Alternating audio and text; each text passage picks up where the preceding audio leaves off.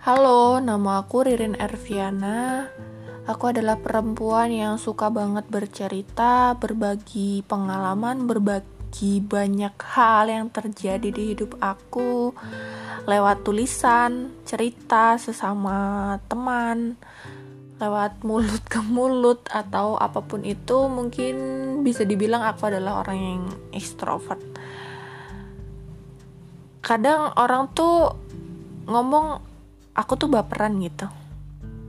Tapi emang rasa yang yang aku rasakan semua yang terjadi sama aku tuh kayak aku suka membaginya. Entah itu bahagia sedih nggak peduli. Yang penting tuh kayak kalau mengekspresikan gitu kerasa lega aja gitu.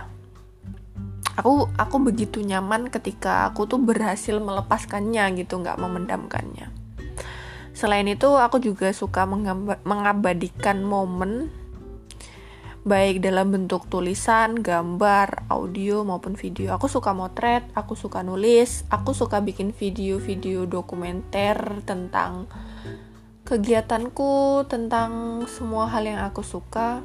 Dan sekarang aku pengen cerita lewat podcast karena aku pengen uh, membuat jejak-jejak tentang apa yang pernah aku pikirin, apa yang pernah aku omongin. Karena aku sadar sih, aku tuh orang yang pelupa banget dan dengan ini semoga bisa mengingatkan aku tentang banyak hal.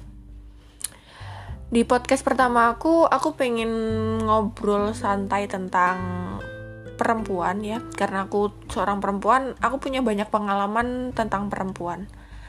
Dan pengalaman ini pasti dialami oleh semua perempuan di dunia ini. Yaitu tentang menstruasi. Um, dulu sewaktu aku baru aja pertama kali dapet atau menstruasi yang pertama kali aku tuh kayak bertanya-tanya gitu loh. Apa perempuan lain tuh ngerasain hal yang sama ya kayak aku gitu? Hmm, contohnya kayak ngerasa pinggulnya tuh sakit perutnya nyeri uh, payudaranya tuh terasa kencang dan kalau disenggol tuh sakit gitu. Belum terjawab semua pertanyaan-pertanyaan itu justru aku mendengar berbagai larangan yang mestinya dihindari sewaktu menstruasi ya banyak lah kayak orang tua temen-temen yang tadinya tuh udah menstruasi tuh kayak ngomong eh jangan gini jangan gini. Contohnya kalau lagi menstruasi tuh jangan minum es jangan minum air, so air soda. Nanti darahnya tuh kayak makin deres gitu. Terus nggak boleh minum air kelapa nanti tambah sakit tambah nyeri di pinggulnya. Padahal aku tuh suka banget es degan gitu es kelapa terus ada juga tuh yang nggak boleh potong kuku nggak boleh keramas. Bayangin coba menstruasi tuh durasinya tuh antara 5 sampai 8 hari ya rata-rata perempuan itu. Dan dalam kurun waktu segitu tuh kita nggak boleh keramas. Kayak aduh itu tuh sebuah hal yang pernah aku lakuin dalam waktu yang lama dan kalau diinget-inget tuh kayak kok bisa ya? Dan mungkin perempuan-perempuan lain di luar sana juga masih banyak yang menganut pendapat ini gitu. Ketika dia menstruasi dia nggak potong kuku nggak keramas. Padahal kan dalam kondisi menstruasi perempuan tuh harus kayak ekstra menjaga kebersihan ya. Bayangin aja kan uh, darah keluar dari vaginanya atau dari alat kelaminnya itu kan sesuatu yang mungkin bagi orang lain atau bagi laki-laki yang tidak mengalami itu tuh sesuatu yang menjijikkan gitu. Belum lagi dengan baunya gitu. Kita nggak ngerti kita nggak ngerti ya uh, punya orang lain tuh gimana. Tapi yang jelas itu pasti menimbulkan hal-hal yang harusnya tuh dijaga gitu loh kebersihannya tuh. Gimana sih bahasanya ya? Oke. Okay makanya larangan buat nggak keramas terus nggak nggak boleh motong kuku itu tuh kayak kerasa nggak masuk akal banget gitu kan. Sampai yang paling ajaib itu larangan nggak boleh menyikat atau menginjak-injak kain yang kita pakai sebagai pembalut atau pembalut itu sendiri. Karena katanya itu bakal ngebuat perut kita tuh jadi tambah sakit. Ibaratnya kayak kayak diinjek-injek dibejek-bejek bagaikan gitulah. Itu kayak ya nggak tahu sih itu mitosnya orang Jawa apa gimana karena aku tuh besar dengan budaya Jawa meskipun aku tinggal di, di Sumatera. Tapi ya itu yang sejauh ini aku pahami gitu. Dan percaya atau enggak aku tuh juga pernah mempraktekkan dalam waktu yang lama gitu kayak menahan nguceknya tuh pakai tangan terus nggak menahan pokoknya nggak pakai sikat atau nggak diinjek-injek gitu. Akhirnya belakangan aku tuh kayak mulai membaca berbagai literatur bahwa hal-hal tersebut tuh di kalangan ilmuwan itu dikenal sebagai menstrual tabu atau tabu menstruasi karena di belahan masyarakat yang lain, perempuan-perempuan yang menstruasi juga harus mematuhi berbagai tradisi dan larangan. Ya, karena perempuan yang menstruasi itu kayak dianggap kotor gitu loh. Bahkan itu ngebawa energi yang negatif. Jadi uh, darah yang keluar dari jenis kelamin perem, eh jenis kelamin dari alat kelamin perempuan itu kayak dianggap sesuatu yang sangat kotor sehingga perempuan tuh nggak bisa melakukan aktivitas seperti biasanya karena dikhawatirkan uh, darah itu atau sesuatu yang dianggap kotor itu bercecer di mana-mana seperti itu. Contohnya contohnya di pedalaman Eropa ya, yang sampai sekarang tuh masih percaya bahwa tatapan mata perempuan yang sedang menstruasi dapat menimbulkan bencana atau kesialan. Di Mesir, perempuan menstruasi juga harus menggunakan alas kaki dan gelang di kakinya karena dianggap kakinya akan mengotori tanah. Bahkan di beberapa daerah, perempuan menstruasi harus menggunakan sepatu besi yang berat supaya nggak bisa pergi jauh gitu. E, sebegitunya ya, sebegitunya pembatasan aktivitas sosial bagi seorang perempuan yang sedang menstruasi gitu. Kerasanya kayak dunia ini sangat nggak ramah banget gitu buat perempuan yang lagi menstruasi. Padahal menstruasi itu kan uh, apa ya pembawaan biologis atau pengalaman biologis perempuan gitu kan. Eh misalnya aja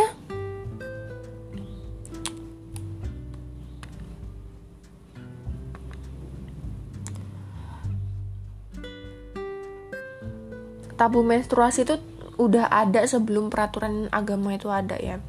Jadi uh, sorry ya tadi kena jeda karena ada kucing. Jadi kan sekarang ini uh, ada peraturan hmm. agama tentang menstruasi gitu. Karena aku tuh dari kecil beragama Islam ya karena diislamkan oleh keluarga gitu. Jadi kan ada sudah ada peraturan tentang menstruasi terutama di agama Islam gitu. Kalau kalau perempuan lagi menstruasi itu harus begini harus begitu. Misalnya dia tidak boleh sholat kemudian nantinya dia harus mengganti ibadah yang ditinggalkan misalnya ibadah puasa atau mengkodok sholat gitu. Dan setelah menstruasi itu selesai dia harus mandi wajib dengan disertai doa itu Padahal sebelum aturan agama itu ada, masyarakat udah menganggap peristiwa biologis perempuan ini itu sebagai sesuatu yang seharusnya disembunyikan. Karena ya dianggap kotor tadi ya. Di India contohnya, perempuan yang sedang menstruasi itu nggak diperbolehkan tidur di dalam rumah. Jadi ketika perempuan itu menstruasi, dia akan di kayak suruh tidur di sebuah ruangan gitu kayak yang di belakang atau di mana. Pokoknya dia nggak nggak bisa tidur di tempat yang biasa dia tidur gitu. Aku ngeliat itu dari sebuah film based on true ya judulnya Batman itu tentang kehidupan perempuan yang menstruasi di India kayak gitulah kira-kira. Dalam situasi yang kayak gitu perempuan akhirnya harus mengorbankan peran sosialnya kan. Uh, ya ya maksudnya dia membatasi kan aktivitas-aktivitas sosialnya karena sedang menstruasi itu dia kayak seolah-olah harus menyembunyikan dirinya gitu dan nggak bisa melakukan aktivitas yang normal. Makanya nggak heran kan dari situ kita kayak ngelihat perempuan tuh dijadikan subjek kedua gitu yang posisinya berada di bawah laki-laki. Kayak dia pada situasi tertentu pada kondisi tertentu dia itu nggak bisa melakukan sebagaimana orang lain lakukan gitu. Dia nggak bisa bergaul dia nggak bisa melakukan aktivitas di luar rumah aktivitas yang harusnya membebaskan dirinya gitu. Padahal secara sederhana ya darah menstruasi kan kotoran yang diakibatkan oleh sel telur yang luruh karena nggak dibuahi gitu. Itu sebuah pembawaan biologis gitu tapi gejala reproduksi itu kemudian dimultitafsir oleh kelompok masyarakat di berbagai belahan dunia. Mereka mengartikannya tuh berbeda-beda.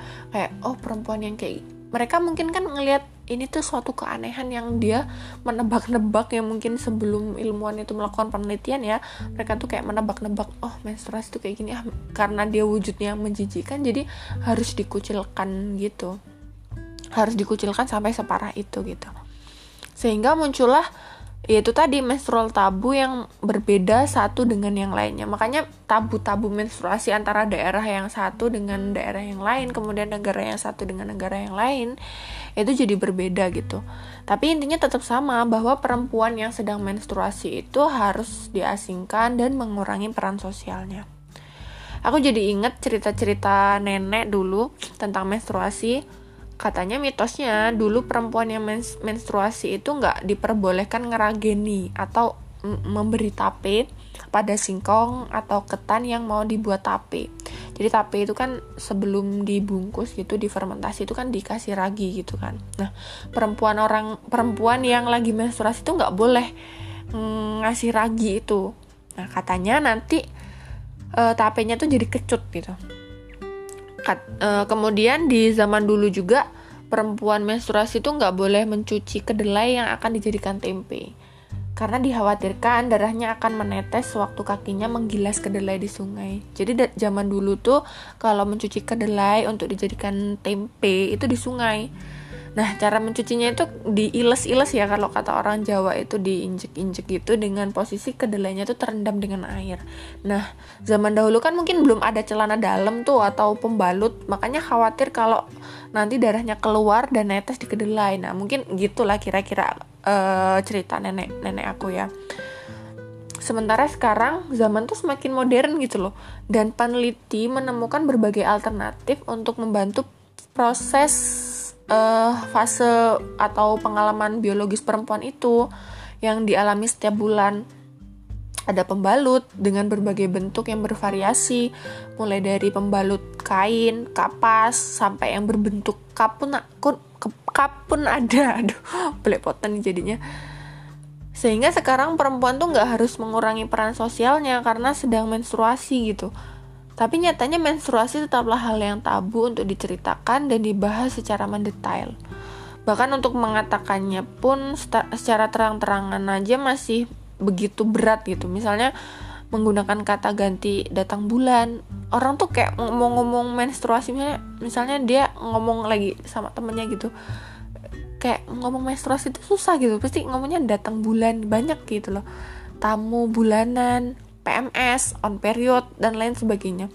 Jangankan menstruasi untuk menyebut pembalutnya aja kayak kerasa hina gitu loh. Sampai ada istilah roti tawar, roti Jepang, ganjil, dan lain sebagainya.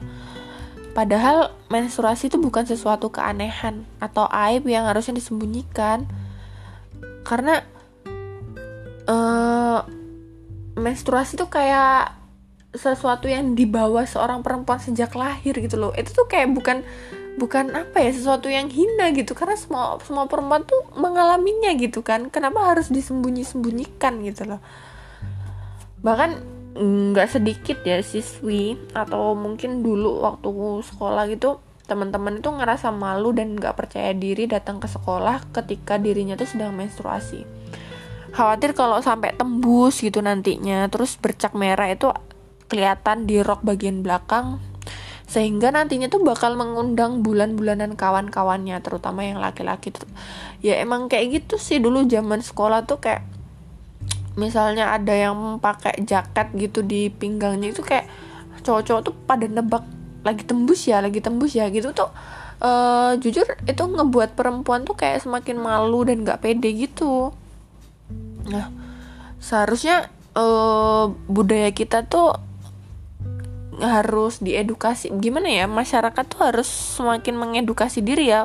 Ya mungkin dimulai dari perempuan itu sendiri mm, dengan mengkampanyekan bahwa menstruasi itu bukanlah hal yang aneh bukan yang hal yang tabu. Karena itu tuh dialami oleh semua perempuan jadi nggak patut buat diolok-olok kayak gitu. Tapi eh, seharusnya masyarakat itu mendukung perempuan yang lagi menjalani fase biologis itu. Karena sebagian perempuan merasa nggak nyaman nyeri sakit di bagian badan tertentu di hari pertamanya. Makanya kayak perlu ada lingkungan yang tetap ngedukung mereka supaya dia tuh tetap uh, aktivitas seperti biasa. Maksudnya dia tetap ngerasa nyaman nggak malu. Sehingga perlu banget kayaknya tuh. Ya emang perlu banget lah kalau di tempat-tempat umum misalnya di UKS sekolah atau di tempat di kantor gitu tuh kayak tersedia pembalut gitu. Biar perempuan tuh kalau kalau tembus tuh langsung bisa mengganti uh, pembalutnya. Sebagian per sebagian perempuan itu ngerasain sakit loh ketika menstruasi di hari pertama. Jadi lingkungan yang ramah lingkungan yang memaklumi itu kayak sangat membuat dia bahagia. Jadi kayak uh, aku nggak aku nggak mau nyebutnya privilege ya. Mungkin dengan adanya lingkungan yang ramah itu bisa mengurangi rasa sakit itu sendiri sih. Sehingga tuh uh, terwujud sebuah keadilan yang proporsional untuk perempuan. Karena uh, kenapa kenapa misalnya laki-laki kok nggak nggak mendapatkan itu? Karena laki-laki kan memang dari biologisnya emang nggak punya pengalaman menstruasi gitu kan maksudnya kenapa dia nggak mm, harus diperhatikan sebegitunya ketika sebuah fase datang gitu mungkin ketika dia mimpi basah itu karena ternyata fase biologisnya perempuan tuh banyak menimbulkan banyak ketidaknyamanan gitu kan. Dengan tidak adanya pengasingan dan pengurangan peran sosial terhadap perempuan uh, semoga semakin banyak ya ter, semakin banyak orang-orang terutama laki-laki yang sadar dan peduli terhadap fase biologis perempuan supaya dapat mewujudkan dan mempertimbangkan sesuatu dengan memperhatikan aspek-aspek yang dialami oleh perempuan. Sehingga dunia ini tuh milik kita bersama perempuan adalah subjek laki-laki dan subjek. Jadi eh, nggak e, ada perbedaan nggak ada pembatasan di lini apa pun Oke, sekian ah, podcast ah. dari aku kali ini. Terima kasih.